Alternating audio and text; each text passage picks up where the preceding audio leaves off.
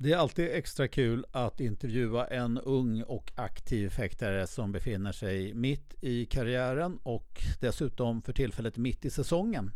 Så att det är en rykande het och färsk intervju som jag har gjort med Emma Fransson där hon berättar om sin karriär just nu och var hon befinner sig och eh, det blir inte mindre trevligt av att det också är en lättsam och glad tjej som det är lätt att prata med. Så varsågoda och lyssna på intervjun med Emma Fransson. En garde. Prêt. Allez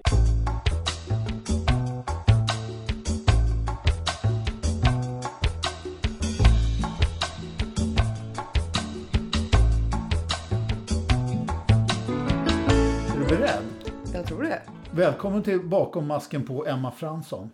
Tack så mycket. När jag frågade dig, så här, vill du vara med i min podcast? Så sa du, på riktigt?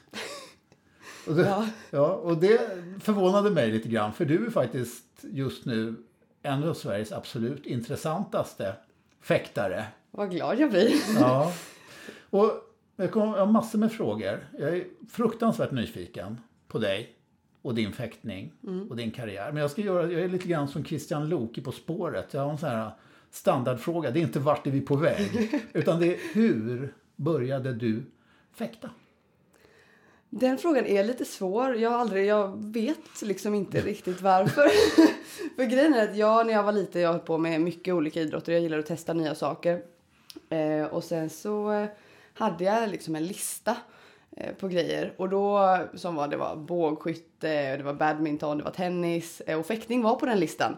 Eh, jag vet inte riktigt varför jag var lite så. Tyckte det var coolt med kampsport liksom. Jag vet jag hade andra kampsporter där. Eh, och sen så eh, var jag på en färja faktiskt med en av mina kompisar. Och hon var jättetaggad på att testa någon ny idrott. Och ville dra med mig i det också liksom. Eh, hon var inte inne på fäktning men jag tänkte det att så här, hon var mer inne på eh, eh, kickboxning. Ja. Eh, och jag var också inne på lite på kickboxning. Men sen så tänkte jag att fäktning hade varit på den listan så länge. Så jag tänkte att jag var ändå, om jag skulle testa något så fick det bli fäktning. Liksom. Ja. Eh, så det var... Men du är uppvuxen i Kalmar. Ja, precis. Ja. Men du är ändå, hur gammal var du när det här, hur gammal var du? Det var i slutet på 2015, början på 2016. Så jag var väl 13-14. Ja, men det är ganska speciellt då, då en ganska ung tjej ändå som vill testa en sport och inte går med alla kompisarna utan har en lista på egna sporter som hon är sugen på. Ja. Jag har aldrig riktigt tänkt på det på det sättet men det är faktiskt ganska sant. Det mesta är väl att man går och gör samma sak som alla kompisarna gör men du hade redan inriktat dig och att det också blev en individuell sport. Mm, men det tror jag det passar mig ganska bra. Jag har lite så kontrollbehov på något sätt så jag, jag gillar att ha liksom kontroll över saker själv. Ja, Eh, och jag tror att och mycket lagsporter är bollsporter och jag, mitt bollsinne är inte det bästa. Hur var det då när du kom första gången? Vem blev du omhändertagen av och vad, vad hände på fäktsalen? Ja, alltså jag började väl ganska sent i jämförelse med alla andra. Eh, Så jag sattes faktiskt i en grupp med eh, U11. Eh, Och jag var väl 13-14 då. Eh, Och jag växte ganska tidigt så jag vet att det var jag som var, jag var 1,80 lång. Och alla eh, U11-fäktare som var kanske 1,60 under. Så jag kom dit och jag var så oj, vad gör jag här liksom? För jag var längre än mina, längre än mina tränare liksom. Och jag kände, jag, jag vet, vi körde eh, bollsport som uppvärmning och jag ställde mig liksom längs väggen och försökte bli kortare, luta mig mot väggen så jag inte blev så lång. Så eh, jag kände mig lite så, ja men lite annorlunda på något sätt men det var ändå, det kändes som att det var en väldigt välkomnande miljö liksom. Mm, mm. Eh, och jag, Du jag från- älskade fäktning Du direkt. kommer från en idrottsfamilj också. Eh, det, jag vet inte riktigt. Det skulle jag väl inte, inte en sån ren idrottsfamilj. Jag vet att pappa har hållit på med tennis. Mm.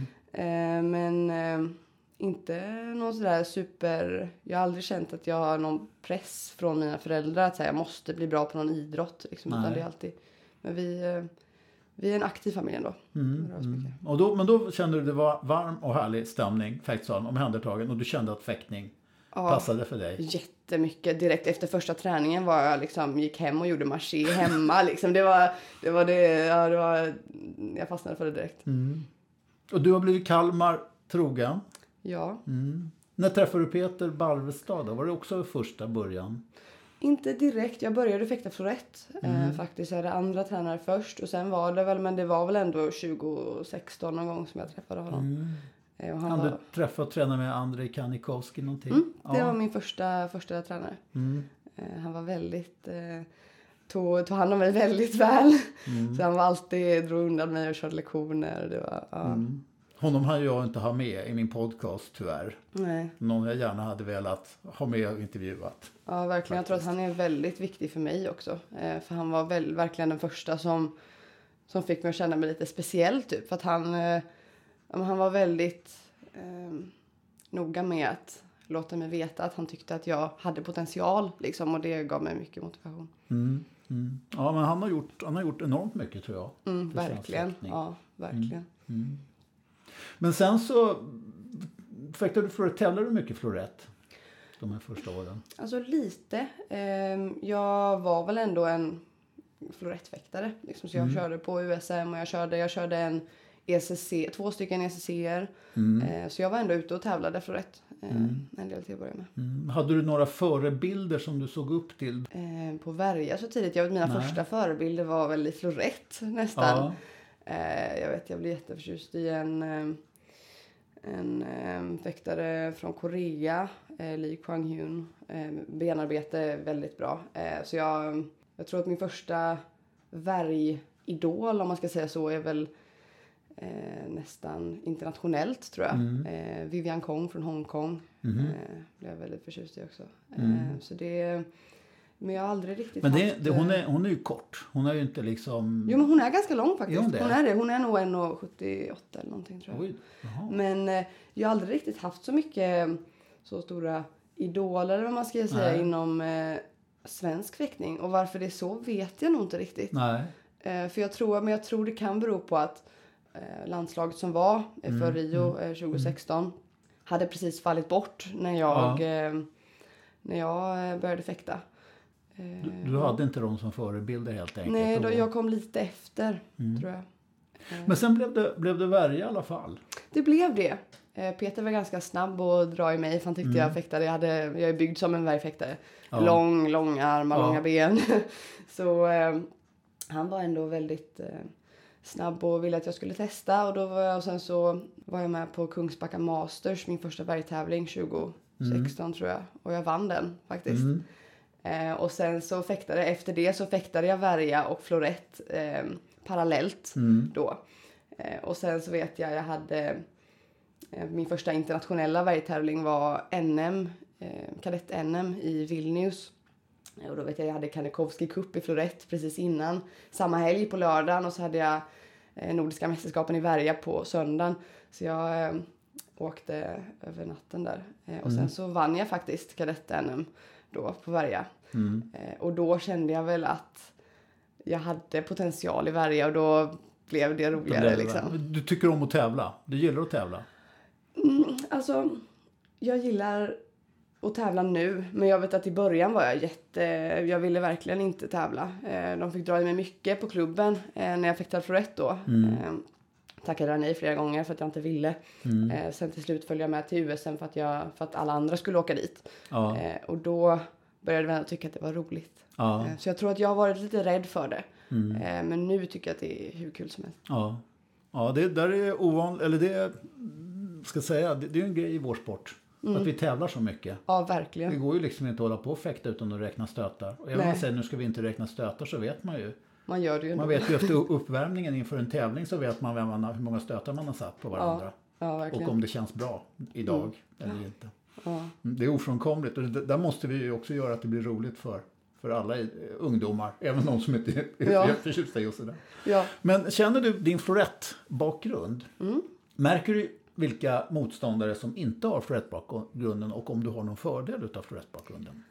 Jag tror definitivt att jag har en fördel för det. För jag har ju teknikerna. ehm, och så. Men sen tror jag att jag i min fäktning använder inte så mycket parader ehm, som man kan tänka sig att man skulle göra för att man har fäktat för rätt. Ehm, men eh, jag vet faktiskt inte vad det finns för skillnader riktigt. Men jag tror att det känns ändå som att jag har fått nytta av det. Liksom. Ja. Eh, men jag kan inte riktigt sätta fingret på vad det är. Nej, men det, det är nog svårt faktiskt. Men jag skulle mm. säga att du idag är en väldigt utpräglad ändå värjfäktare. Ja, men det är jag nog. Jag fäktade ju bara för rätt i ett par år innan mm. jag bytte. Mm. Ja. När kände du nu då att karriären tog fart? När, när, kände du att du hade på, om man tänker som vuxen eller som seniorfäktare, mm. att det liksom kom till någon form av genombrott när du kände att du kunde bli riktigt bra på det här? Jag skulle nog nästan säga under mitt sista, det är inte någon särskild tävling utan det var nog hela, eh, vad blir det, 2022 tror jag, mitt sista mm. juniorår. Eh, då var det från och med junior-VM i Dubai mm. fram till eh, senior-VM i Kairo. Mm. Eh, för jag hade, gjorde topp eh, 16 på junior-VM och sen på lagtävlingen tog vi en topp 4-placering och jag mm. kände min fäktning aldrig varit så bra någonsin. Mm. Och sen bara några månader efter det så åkte jag till eh, senior-EM. Gjorde topp 16 individuellt. Vi kom sexa med laget. Det var liksom... Mm. Det, det, finns, var... det finns en underbar bild, ett foto. Ja. Jag antar att det är den här... ja, att det är den här italienaren, eller ehm. span, en fransman italienaren, den här fotografen som fotograferar ja, för efter Bizia. Ja. Att det är han som har tagit det. Ja. Och man ser inte på den här bilden vems armar och, och huvuden och vem det är. För att det är liksom det, man ser att det står Fransson mm. på ryggen.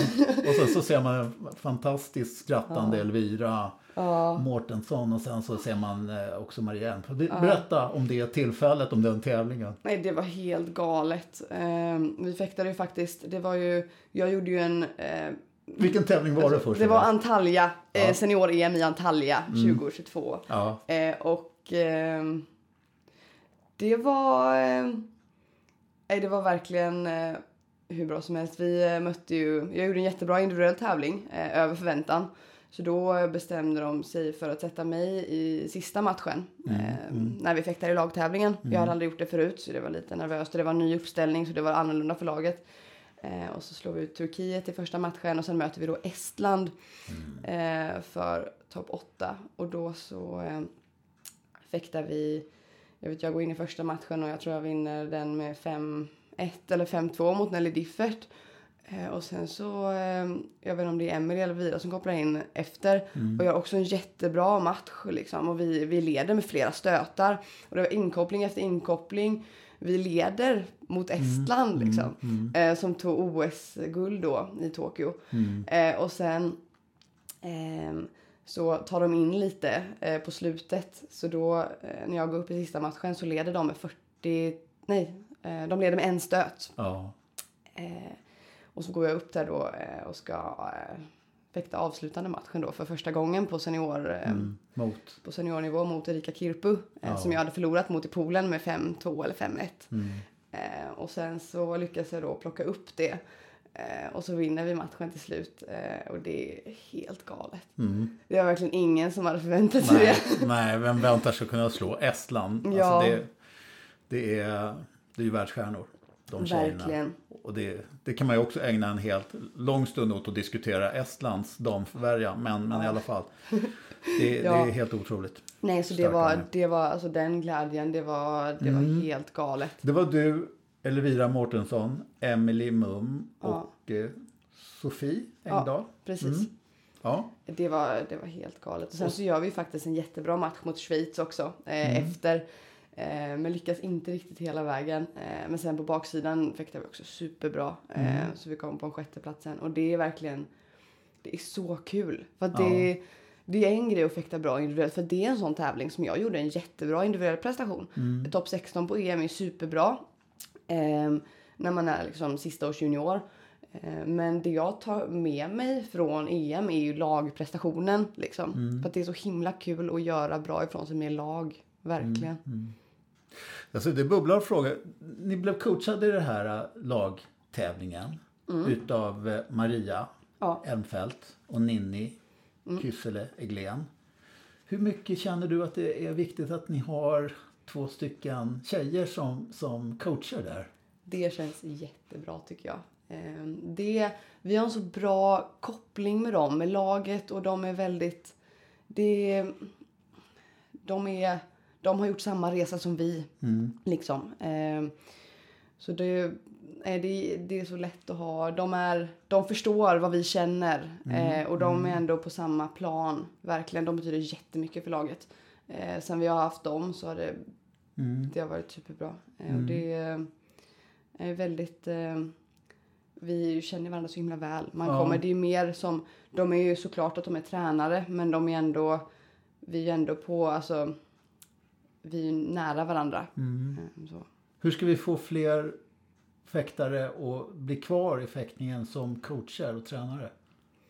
Hur? Ja, Jag vet faktiskt inte. nej. Eh, jag, Du ska inte behöva få sådana 10 000 miljoners kronors frågor. Nej, men det, men det, är väl, det är väl framgång föder framgång. Ja, men det är roligt att du säger det tycker jag. Det var ett, svaret jag kanske lite grann Ja. hoppades på också. Nej men jag skulle säga att Ninni och Maria är så viktiga eh, för vårt lag. Eh, för att de, de gör ju resan med oss. Eh, och de är sådana som personer så de sätter sig inte eh, över oss och klankar ner på oss om det går dåligt. Utan de är de liksom, de, eh, Pushar. de pushar verkligen. Eh, och de är, kunde inte önska bättre förbundskaptener. Nej. Du, du då, känner du att du är eh, ankaret i laget? Är du cool? Är, är du liksom den här tunga posten eller tunga pjäsen liksom som man sätter in? Jag tycker faktiskt inte det. Det Nej. känns inte som det. Nej. Ehm, Jag har väl fått, ibland har man väl hört lite kommentarer som, som pekar åt det hållet. Men jag personligen tycker att det är lite Men konstigt på något nu, sätt. nu känner inte jag dig så enormt bra, inte sett dig fäkta så väldigt mycket heller om jag ska vara helt ärlig. Men jag ser inte dig som en fäktare som tappar koncepterna på pisten eller som blir panikslagen. Du ser väldigt eh, systematisk och lugn ut i din fäktning oavsett nästan situation. Ja, men det skulle jag väl ändå säga. Jag har ganska... ehm, Jag är ganska lugn när jag fäktar. Såklart har jag haft perioder där jag haft det svårt mentalt och det har inte har funkat. Ehm, Men när jag väl fäktar så är jag ganska systematisk. Ehm, Och jag tror att det beror mycket på att jag fäktar mycket för fäktningens skull. Eh, och jag, såklart att jag alltid vill vinna. Jag hatar att förlora. Men när det väl kommer till fäktningen så är det mycket fokus på det. eh, Och inte så mycket på vad som står på tavlan. Som jag tappar tre stötar eh, så fokuserar jag mer på Istället för att fokusera på att jag tappat tre stötar fokuserar jag på vad jag ska göra i nästa stöt. Ja. Och du har ju, det, det ser man ju också, du har ju en väldigt så här uh, grundteknik som är väldigt stark och väldigt så här, uh, den sitter verkligen där. Du, du är väldigt, väldigt stabil i din grundteknik som fäktare. Och det kommer väl från floretten och det kommer från, från att du har liksom haft bra, bra tränare så. Eh, Men som du också kan falla tillbaks på när det blir stirrigt i övrigt runt omkring. Och, Ja, men verkligen. Jag eh, gillar min typ av fäktning. Det är väldigt eh, skönt att känna att den funkar. Även om jag har en sämre dag så kan jag ändå fäkta helt okej. Ehm, och jag känner att jag har väldigt mycket självförtroende i min stil. Jag har valt en lite jobbig fäktstil. Det är ganska... det är lite ansträngande, men eh, nej, jag tycker att det... Ja, jag gillar Hur har du valt en jobbig fäktstil? Du rör dig mycket mer på pisten. Ja. Du har blivit mer aktiv nu än vad du var Ja, tidigare. Exakt. Jag, eh, jag har nog rört mig mycket ganska hela tiden. Men nu på senaste tiden så tar jag mindre steg och då behöver man ta fler steg. Och det är mycket, det är, jag är väldigt aktiv. eh, Så det är, det är fysiskt jobbigt. Ja. Mm. Hur är grundfysiken då? Din grundkondition? Nej men den är väl ändå helt okej tycker jag. Jag jobbar på den. Ja. Den. Jag skulle önska att den var bättre tror jag. Eh, men det. Jag jobbar ju alltid mot att det ska bli, allt ska bli bättre. Eh, så det är en del som jag känner nu. Eh, faktiskt på tävlingar ibland. Att jag känner att jag. Eh, jag hade gynnats av att öva på mer konditionsträning. Men, eh, du är ju nu, nu, nu frågade jag det innan här vi började intervjun, mm, eh, vad du har för stöd från SOK. Men du har ett stöd från SOK som har gjort att du under sista året har kunnat bo och träna ganska mycket utomlands. Mm, det har jag. Ja, hur, för du flyttade upp här till Stockholm förra hösten, för ett och ett halvt år sedan. Ja. Första gången. Det. Och då började du plugga någonting i Stockholm som jag inte ens, som jag frågade om. så jag inte ens vågar nu säga. Du, du, fonetik Nej. Jo, jo, men jo, nästan. eh, Lingvistik. Lingvistik var det Exakt. du började- ja, Ja. Du förklarade för mig en gång vad det var för någonting. Och jag, ska, jag, jag ska inte försöka upprepa det. Men, men då, då kom du upp till Stockholm. Men sen Mm. flyttade du. Eh, du var en, eh, förra hösten här. Mm. Och pluggade och bodde och tränade. Mm. Och sen så drog du vidare och var i Frankrike. Ja, Ja. det var jag. Hur var det? Och var var du?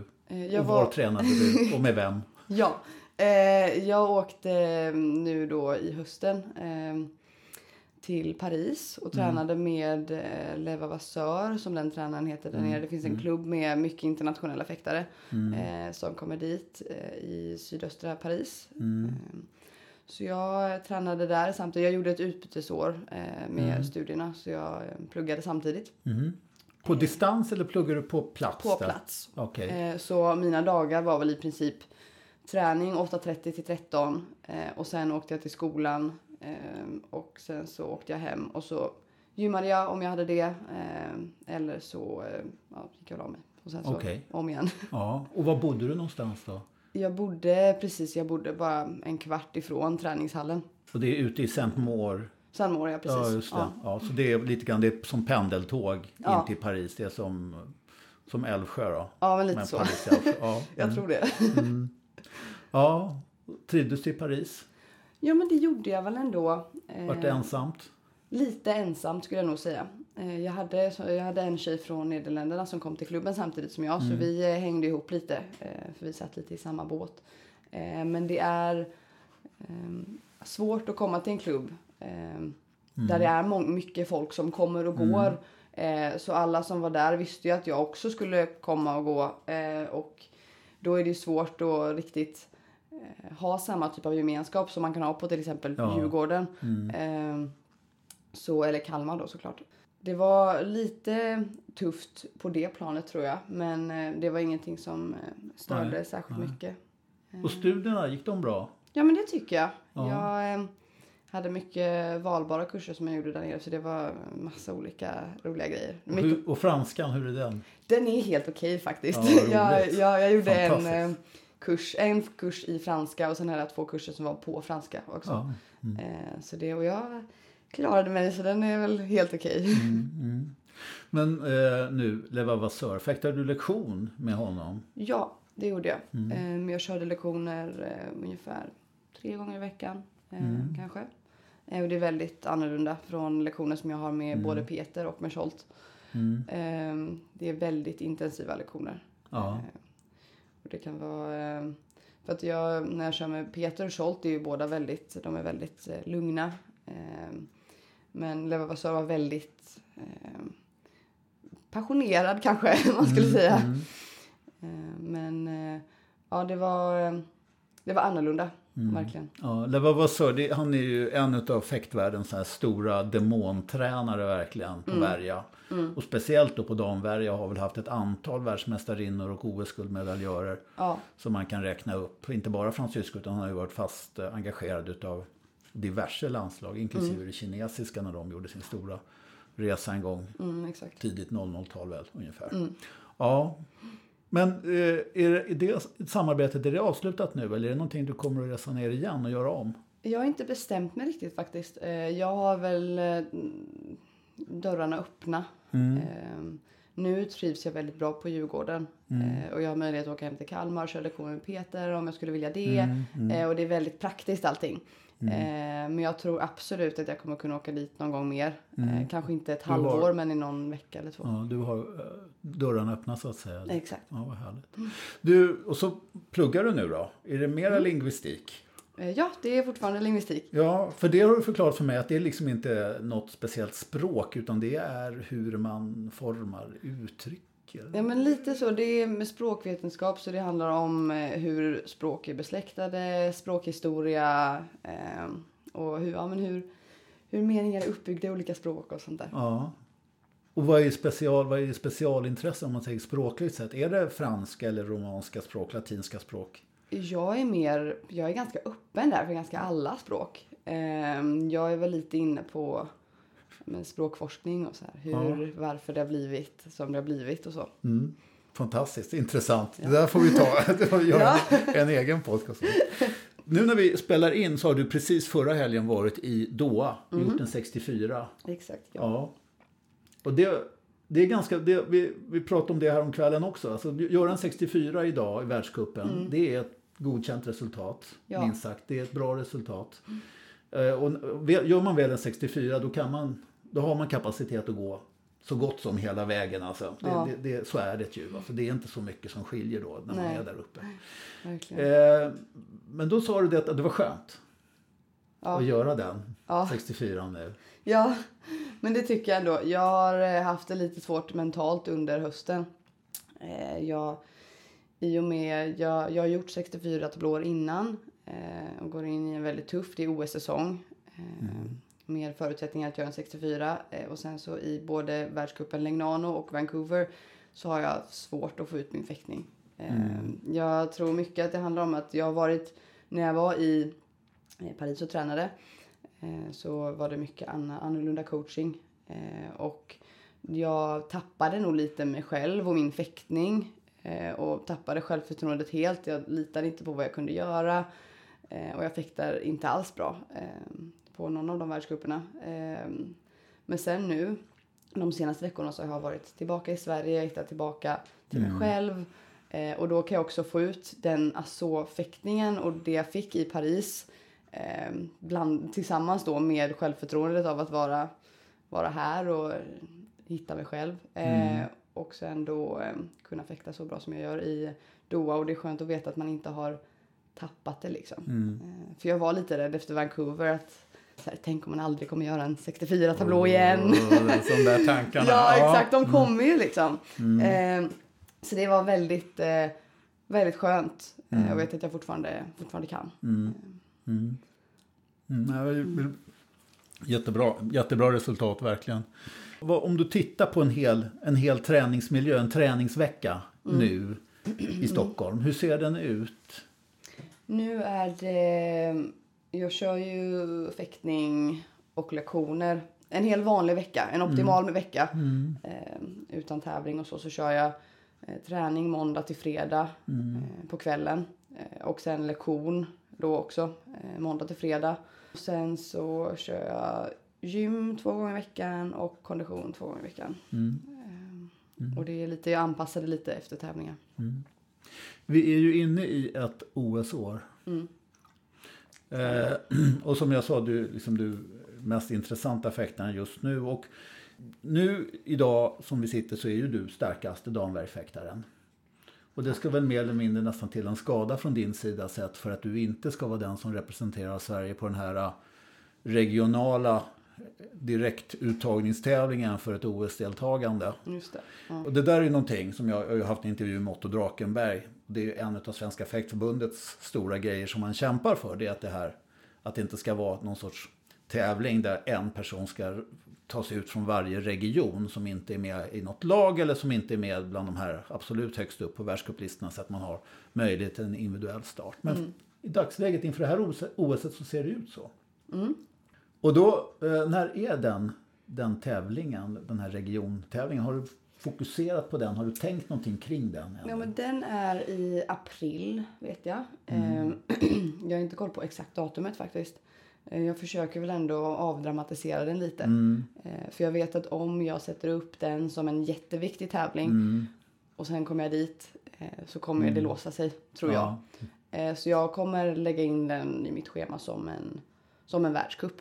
Ja. Eh, och så bara kör jag när jag mm. kommer dit. Så du känner inte att din karriär står och faller med den här uh, kvalificeringstävlingen för ett OS-deltagande? Nej, men det gör jag faktiskt inte. Jag eh, tror att det skadar mer än vad det hjälper eh, och ser det som en så eh, stor, viktig grej. Det är klart jag absolut eh, jättegärna hade velat ta mig till OS. Det är ju det stora målet. Mm. Eh, men jag tror att eh, om jag gör det till Paris så är det väl eh, hur bra som helst såklart. Eh, mm. men det blir mer som en bonus inför 2028 som är mitt huvudmål. Mm. Mm. Hur, långt, hur långt fram har du tänkt din fäktkarriär? Har du fått någon hjälp eller är det, är det saker du har i ditt eget huvud? Eller sitter du ner med någon och tänker igenom din karriär framöver? Vad, vad ska hända och när? Det är mycket själv tror jag. Eh, men sen så diskuterar jag jättemycket med Peter Barbestad, min tränare då. Eh, vi pratar mycket om det. Eh, och det är inte några, jag har inga seriösa diskussioner om det utan vi pratar om olika typer av mål, vad man skulle vilja vara vid ett visst tillfälle och Eh, nej men vi satte väl Paris som ett mål faktiskt eh, för jättelänge sedan som ett sånt skämtmål. Men sen har vi en tendens att uppnå målen lite tidigare än planerat. Så man vet ju aldrig. Så det här har ju faktiskt blivit ett mål som faktiskt skulle kunna vara aktuellt. Eh, mm. Men eh, pratar ändå om det mm. mycket. Mm. Men jag tror att, som du sa, taktiken inför en match, att man gör det för fäktningens skull. Mm. Det är nog samma samma mindset mm. faktiskt är nog inte så dumt Nej. att ha. Även Nej. när det gäller ens karriär. Att man gör det för fäktningens skull och långsiktigt mm. fäktningens skull. Ja, Emma, alltså nu, jag tycker att eh, det här känns väldigt positiv intervju. Ja. Väldigt, väldigt, väldigt trevlig. Jag skulle gärna fortsätta men jag känner också att jag faktiskt har, jag har egentligen fått mina frågor besvarade. Jag tycker inte att jag ska hålla på och egentligen veva runt i en massa annat utan låta dig mer eller mindre koncentrera dig på, på, på, på din fäktning och inte grotta för mycket. Liksom, ja. Hålla på och sätta upp här en massa mål. När ska du göra ditt? När ska du göra datt? Och avkräva dig det ena och det andra. Så att jag tror att det här är, är faktiskt väldigt intressant att lyssna på mm. för andra. Både unga fäktare, hoppas att det är många som vill lyssna på det här. Mm. Och eh, lite grann för, för äldre ledare inom fäktningen också. Men om jag får runda av lite grann på ett, positiv, på ett positivt sätt så tänkte jag fråga, din, om du tänker din, din största glädje, den största glädjen som du upplevt, den största framgången inom fäktningen hittills. Mm. Vad, är, vad är det för någonting om du sätter ett tillfälle så här, när du verkligen kändes att det här är det är nog ändå EM i Antalya tror jag, ja. som vi har pratat om. Mm. Det var så himla kul eh, att göra bra prestationer individuellt och med laget. Det var, det var nog en av de bästa dagarna i mitt liv. Ja. Mm. Kul. Hjärtligt tack för att du kom tack själv. och var med på min podcast. Tack. Ja, vi kanske gör fler podcasts i framtiden, man vet aldrig. Ja, det får vi hoppas. Mm. Tack.